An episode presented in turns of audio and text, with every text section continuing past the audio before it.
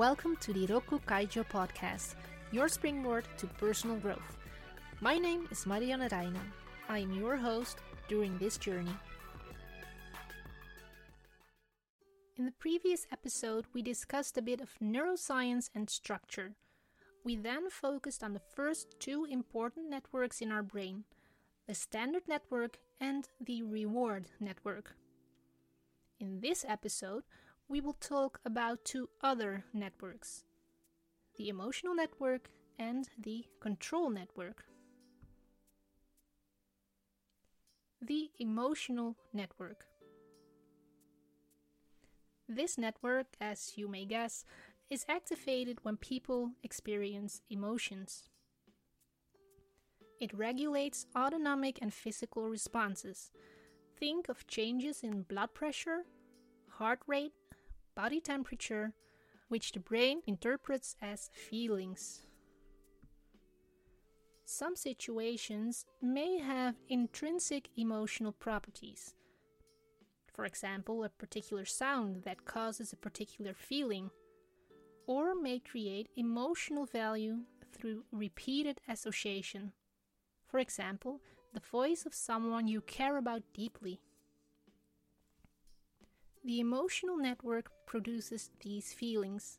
By interacting with other networks in our brain, it regulates their intensity and identifies their plausible source. The emotional network is important when it comes to hunches and gut feelings and the role emotions play in decision making. Hunches and gut feelings, isn't that a bit floaty?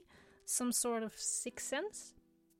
Well, feelings can be a byproduct of thoughts. An example a deadline that must be met. An approaching deadline can make you feel uneasy, maybe even rushed. But feelings can also be activated unconsciously, so actually without knowing where they come from.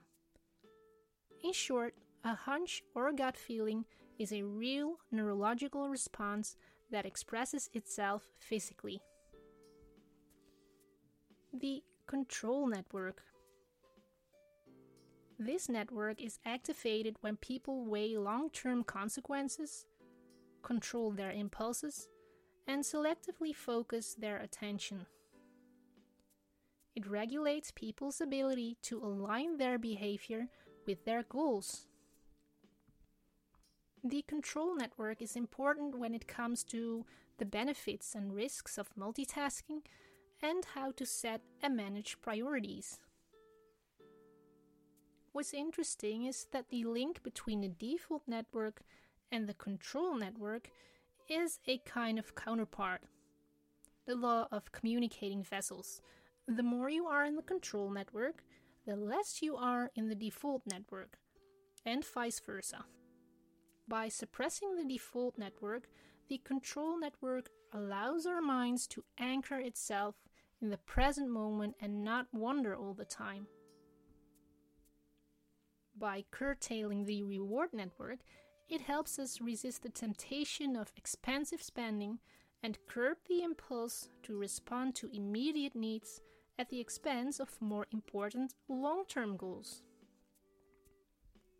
By regulating the emotional network, it controls our emotional responses and ensures that our actions are not dictated solely by fleeting feelings or hunches. So, it is a beautiful counterpart that provides balance. The control network also helps us when it comes to our goals, which can sometimes conflict or compete with each other.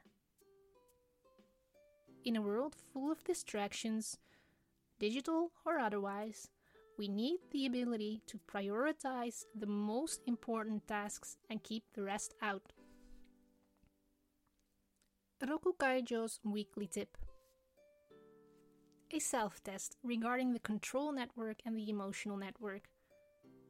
Are you often guided by your emotions?